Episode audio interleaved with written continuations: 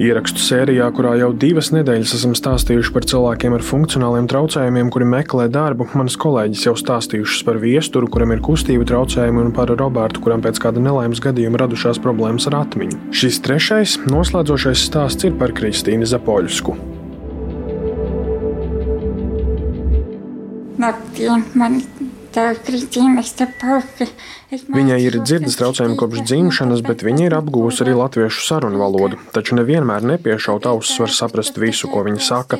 Tāpat es neprotu zīmju valodu, un Kristīnai nevienmēr izdodas visu nolasīt no lūpām, arī par spīti tam, ka tiekoties manu sejas masku nomainījis sejas vizīrs.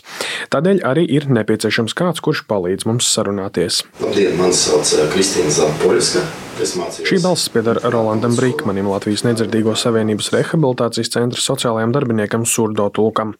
Cilvēkam, kurš ikdienā mēģina palīdzēt atrast darbu cilvēkiem ar dzirdes traucējumiem, Rolands bija līdzās stāstu varonai visu mēnesi no novembra vidus līdz decembra vidum, kamēr četrās tikšanās reizēs iepazināmies ar Kristīnu, kopā meklējām darbu, tikāmies, lai pārunātu sekmes un arī noslēdzošajā reizē tiktos, lai pārunātu, kas izdarīts un kādi ir secinājumi.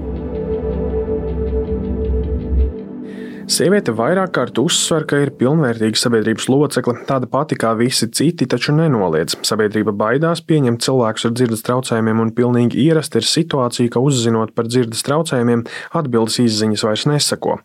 Arī par spīti tam, ka viņi iegūsi augstāku izglītību. Man ir piešķirts Latvijas Universitātes profesora bakalaura grāds pēc ielē pedagoģija un lokopēdija. Kristīnai ir pabeigta Latvijas universitāte. Kristīnai ir bakalaura grāts speciālā pedagoģijā un logopēdijā. Kristīna vēlētos atrast darbu par audzinātāju, auklīti vai skolotāju palīgu. Vēlos atrast darbu auklītes skolotāja palīga un audzinātājas amatu. Šobrīd Kristīna bez darba ir aptuveni gadu. Studijas aizņēmušas lielu daļu viņas laika, un šobrīd dzīvē ir brīvāks brīdis. Skolas laikā viņa gājusi arī mākslas skolā un ir radoša. Līdzšinējā darba pieredze, pārdevēja palīgs, apkopējs, virtuves palīgs. Viņa arī bijusi auklīta bērnu dārzā un pie privāta darba devēja, un tas arī ir tas, ko visvairāk viņa gribētu darīt - strādāt ar bērniem, par auklīti, audzinātāju. Taču viņa saprot, ka ir liela iespēja, ka darbu šajā jomā atrast neizdosies, tāpēc viņa domā pieteikties pieteikties arī apkopējas darbam.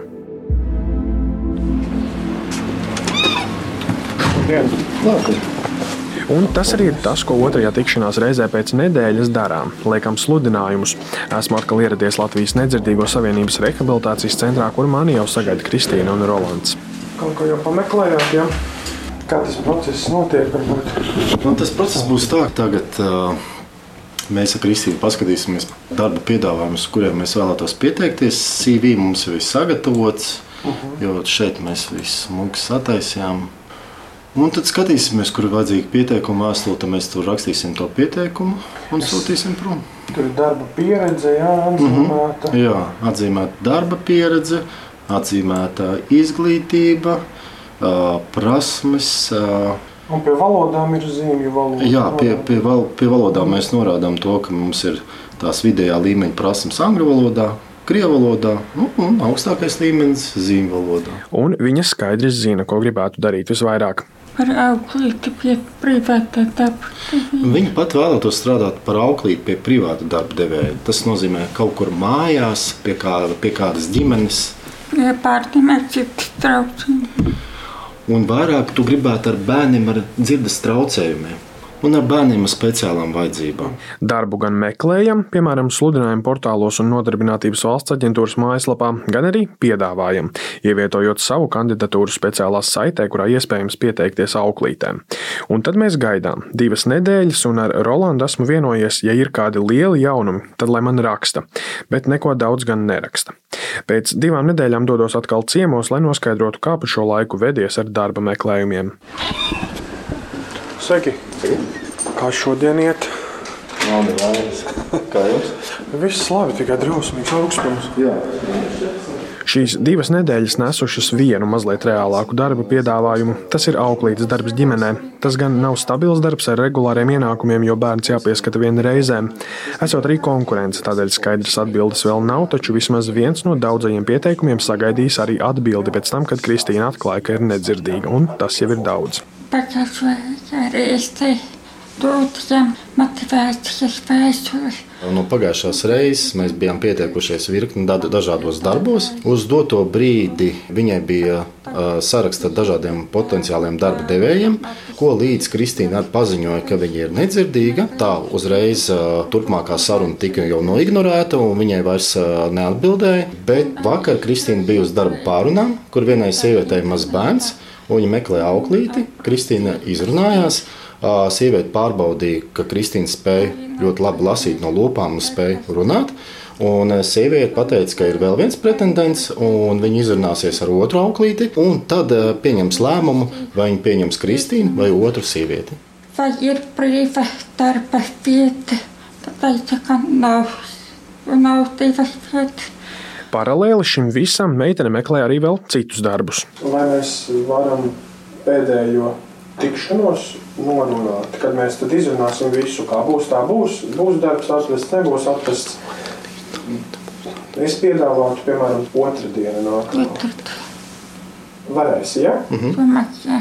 Un nākamā otrdiena pienāk ātri. Tas ir 14. decembris, un pēc milzu augstuma un lielajām sniega kupenām viss strauji kūst. Ir kļuvis krietni siltāks, un viss Latvijas nedzirdīgo savienības pagalms ir kļuvis par tādu milzu slidotavu. Mēs tiekamies ar stāsta varoni, lai pārunātu, kādas mēneša laikā ir bijušas sekmes meklējot darbu, ar kādām grūtībām un aizspriedumiem viņa saskārusies. Es varu pastāstīt par savu pieredzi. Kristīna meklēja darbu, protams, meklēja dažādus, gan auklītes, gan apkopējas darbu. Bija tā, ka viņa bija nosūtījusi uz vairākām vietām. Uz vienu vietu viņai atbildēja īsiņā. Attiecīgi, Kristīna sāka sarunu. Kā viņa arī pateica to, ka viņa nedzird, turpinājums vairs nesakoja. Pateicami, nevarēju piedāvāt. Arī cerība par auklītes darba vakanci, kas bija parādījusies iepriekšējā reizē, ir zudusi, jo nu ir izvēlēta otra kandidāte. Šajā reizē darba meklējumi nav rezultējušies ar panākumiem. Kristīne gan turpinās meklēt darbu arī tālāk. Jā, es turpināšu. Viņa saka, ka bez iestāžu un nevalstisku organizāciju atbalsta atrast darbu būtu vēl grūtāk. Viņa aicina darba devējus būt drosmīgākiem un dot iespēju arī cilvēkiem ar dzirdes traucējumiem strādāt un pierādīt sevi. Lielākā problēma esot, ka cilvēkiem ar dzirdes traucējumiem nemaz nedod iespēju parādīt, ka lielāko daļu darbu ir iespējams veikt tikpat atbildīgi un kvalitatīvi kā jebkuram.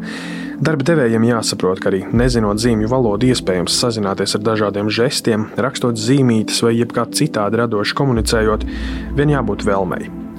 Šo dokumentālo stāstu veidoju es, Latvijas radio korespondents Kristaps Feldmanis.